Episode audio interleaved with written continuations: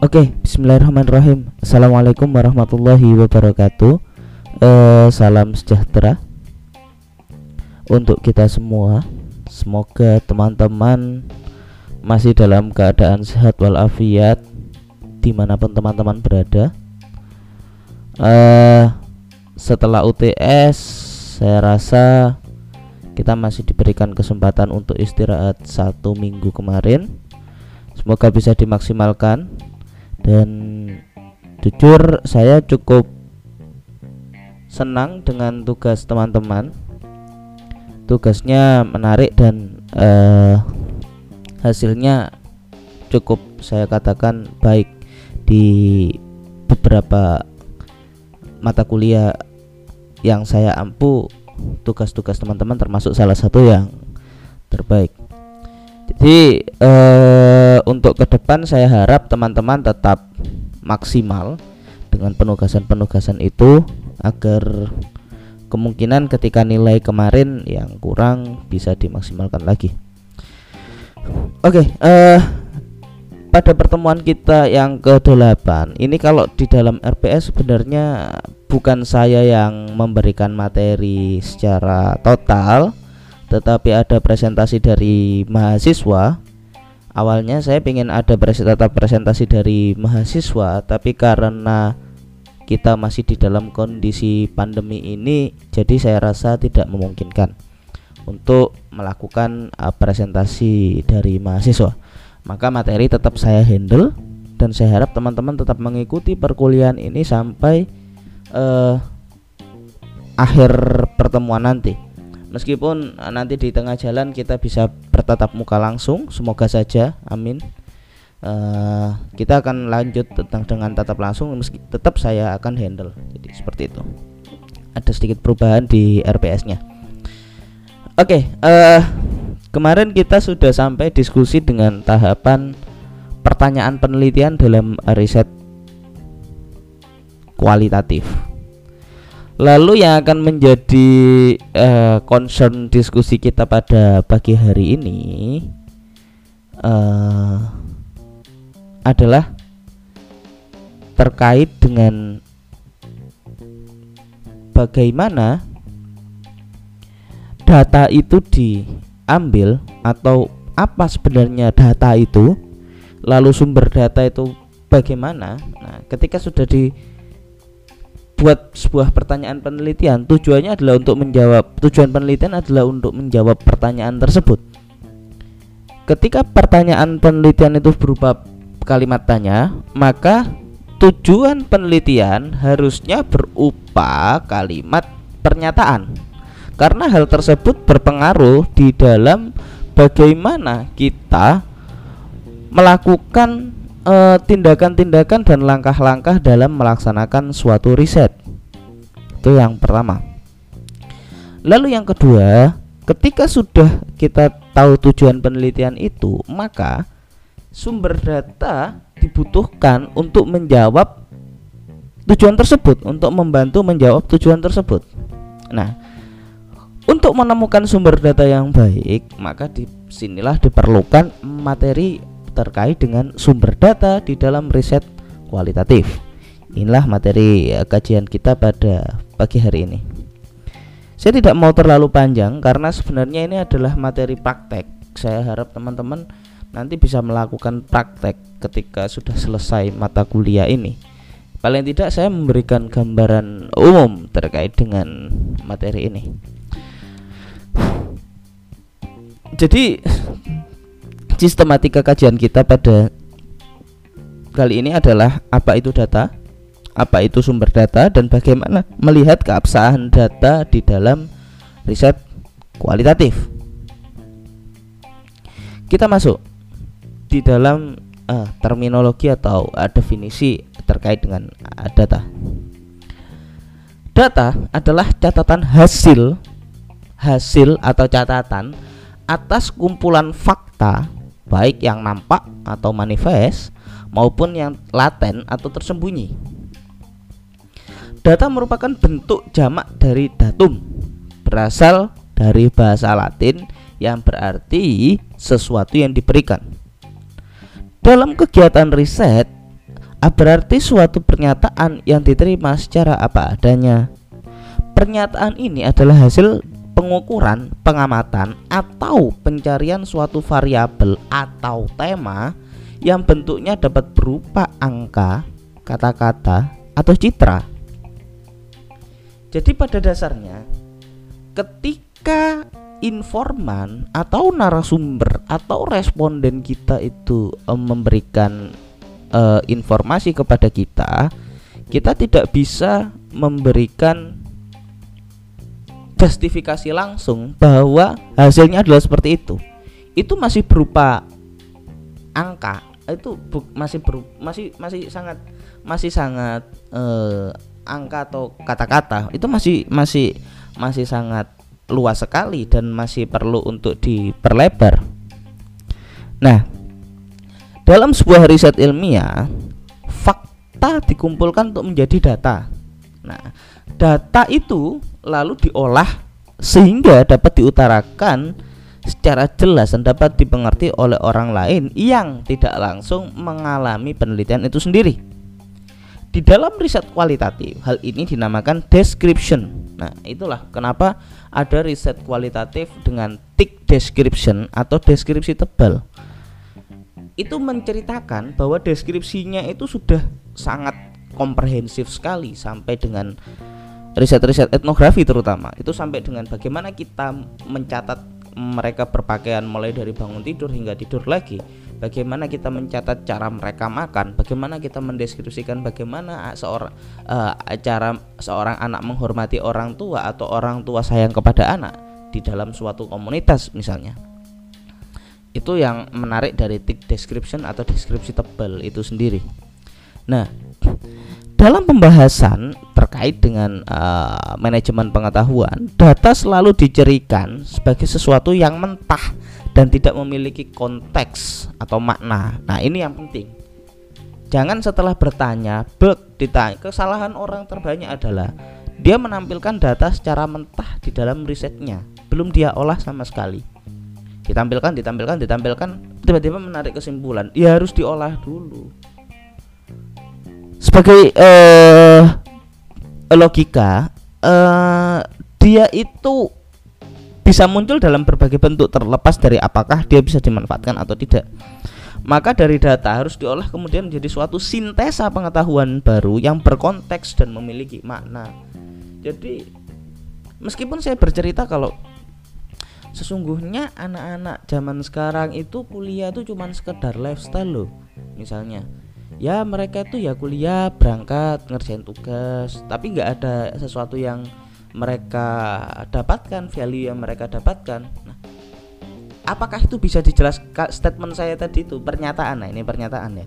Ketika mungkin ada anak-anak mahasiswa yang bertanya, bagaimana tanggapan Anda terkait dengan uh, perkuliahan mahasiswa zaman sekarang? Ketika saya menjawab seperti itu mungkin ya udah jawabannya seperti itu.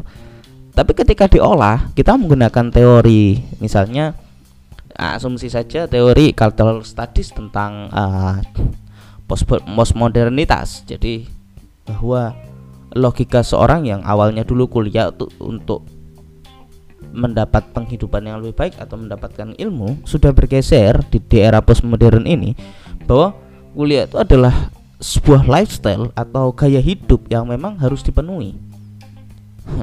Itu menjadi uh, problematika yang menarik di dalam setiap kajian. Nah cara mengolah seperti itu kalau di kualitatif kita harus punya banyak teori itulah namanya bricolage. Nah saya ketika mendengar statement X saya langsung kaitkan oh ini menurut ini sangat sangat mendekati dengan pendapat tokoh ini misalnya. Seperti itu. Nah kita berbicara terkait dengan siklus data. Bagaimana data itu didapatkan lalu data itu memberikan pengaruh untuk membuat pertanyaan penelitian yang baru. Karena data adalah sebuah pernyataan, maka dia jawaban dari suatu pertanyaan penelitian. Ini yang pentingnya harus digarisbawahi. Sehingga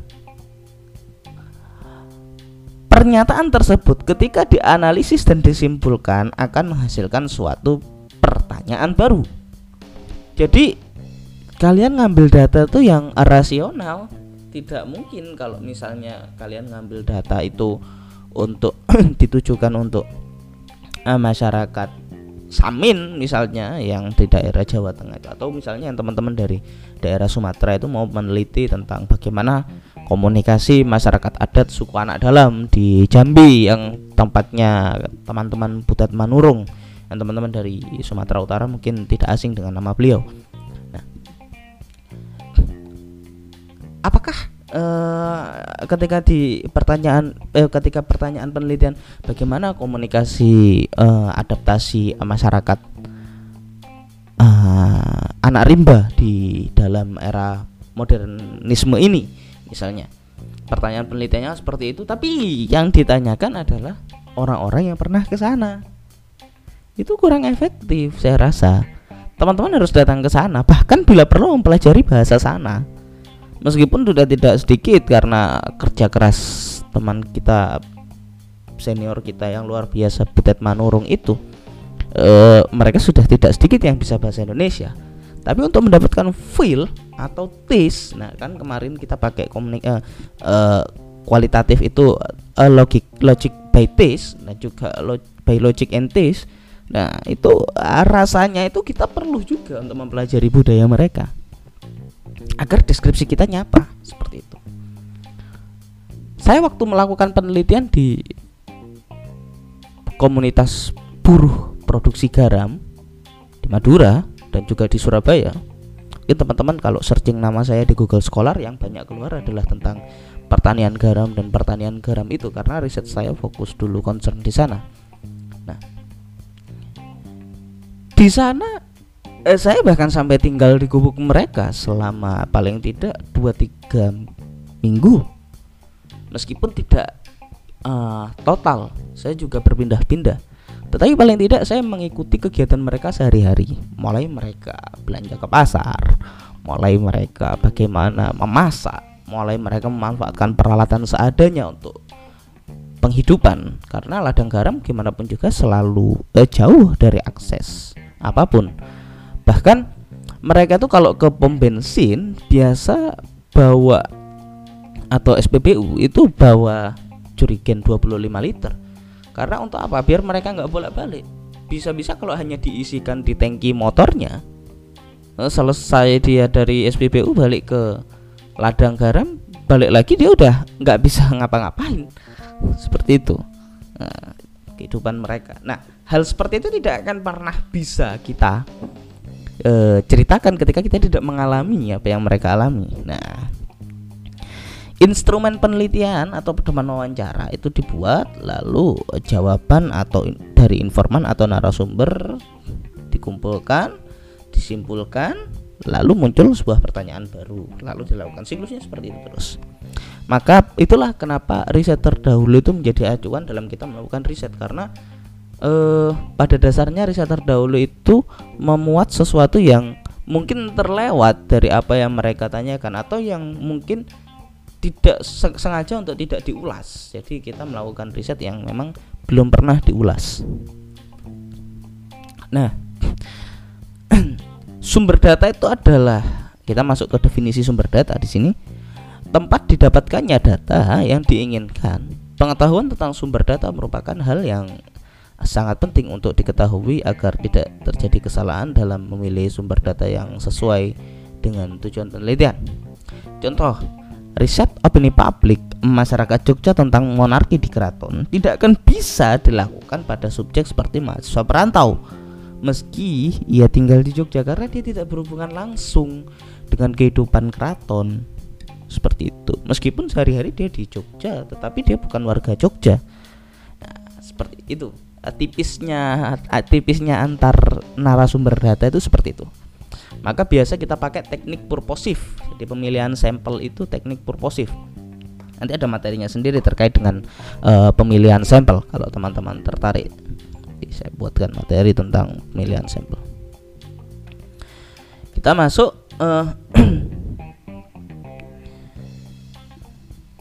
sumber data itu biasa dibagi menjadi dua, yakni data primer, data yang diperoleh peneliti secara langsung dari tangan pertama misalnya, sementara data sekunder diperoleh peneliti dari yang uh, sudah ada misalnya uh, data primer itu contohnya data yang berasal dari responden melalui kuesioner, kelompok fokus atau juga hasil wawancara peneliti dengan narasumber.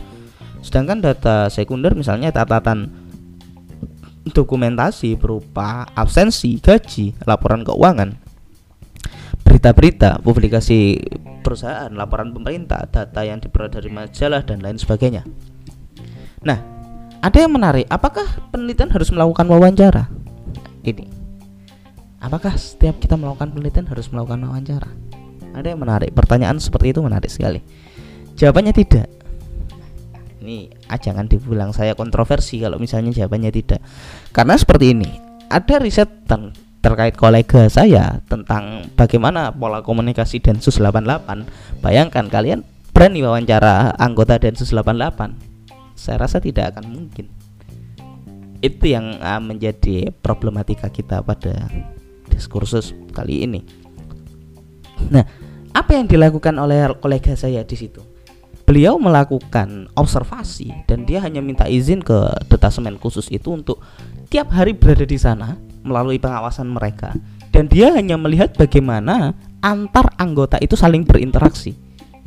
Dan itu menjadi data primer observasi. Karena dia orang pertama yang mengobservasi pola komunikasi emas eh, anggota Densus 88 menarik. Hal-hal semacam itu tidak pernah kita bayangkan. Atau teman-teman misalnya pola komunikasi antara perawat dengan dokter ketika di meja operasi kalau teman-teman kuat misalnya masuk ruang operasi melakukan riset dilihat bagaimana efektivitasnya. Terlalu interpersonal kah? Atau terlalu dikekang oleh etika kah? Itu menarik sekali. Kajian-kajian seperti itu menarik. Dan itu tidak perlu dilakukan wawancara. Tapi tantangannya jauh lebih berat. Observasi kalian jika gagal ya sudah. Kalian nggak akan mendapatkan data apa pun. Seperti itu. Nah menurut uh, ada dua uh, bisa teman-teman baca di sini ada dua pendapat men menurut Umar dan Sugiono terkait perbedaan data primer dan juga sekunder. Intinya sama data primer data yang diperoleh langsung oleh peneliti. Jadi peneliti itu adalah orang yang pertama kali mendapatkan data itu. Sedangkan data sekunder adalah data itu sudah hasil olahan atau dari tangan kedua. Misalnya peneliti mendapat dari peneliti lain atau peneliti mendapat dari laporan atau dokumentasi-dokumentasi uh, yang lain.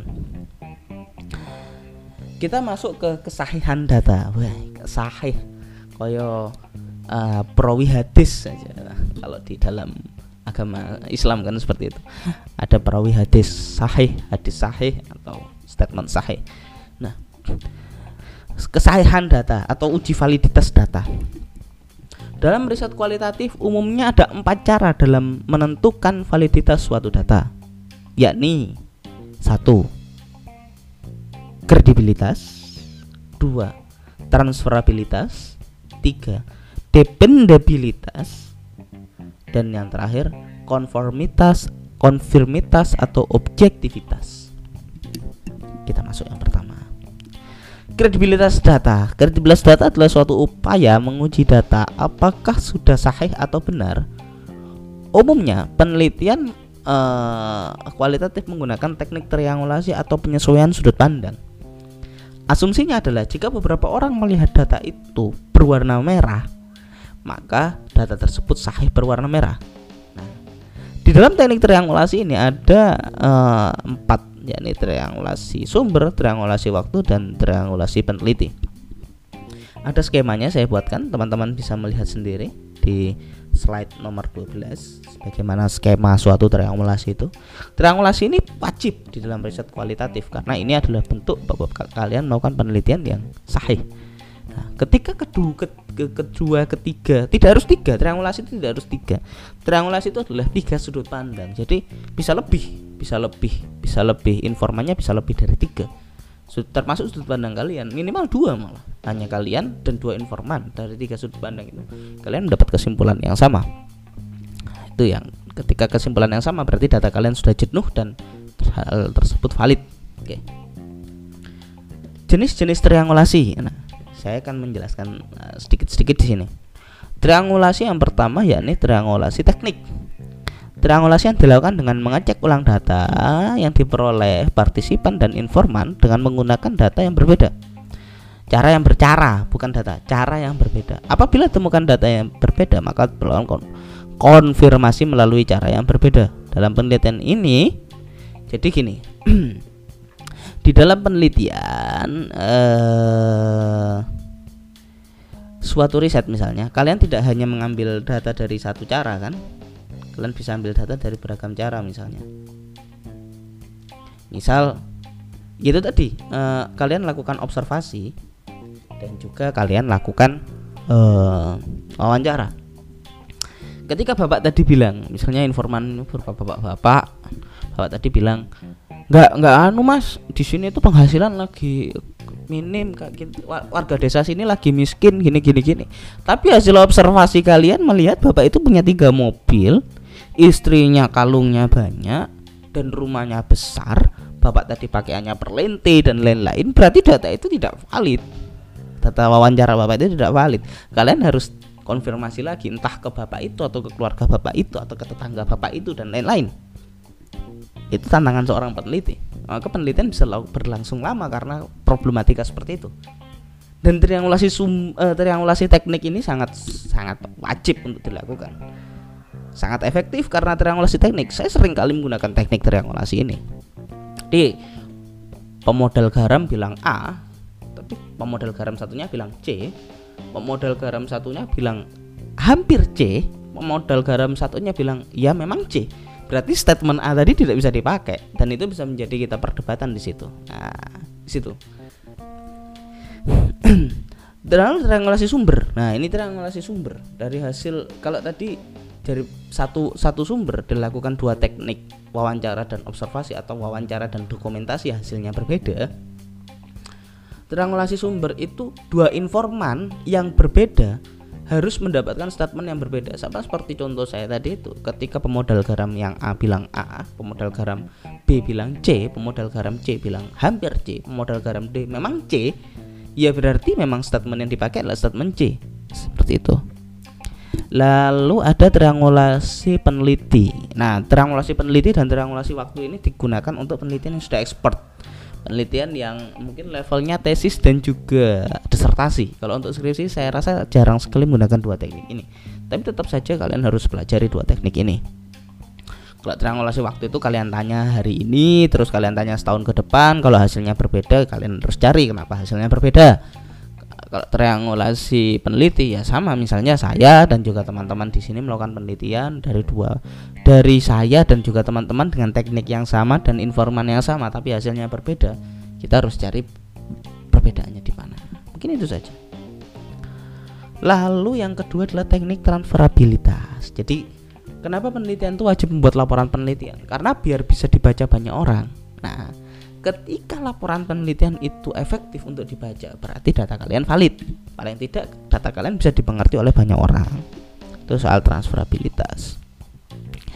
Lalu dependabilitas nah ini yang Pak oleh Pak Sugiono disebut jejak lapangan. Nah apakah itu jejak lapangan?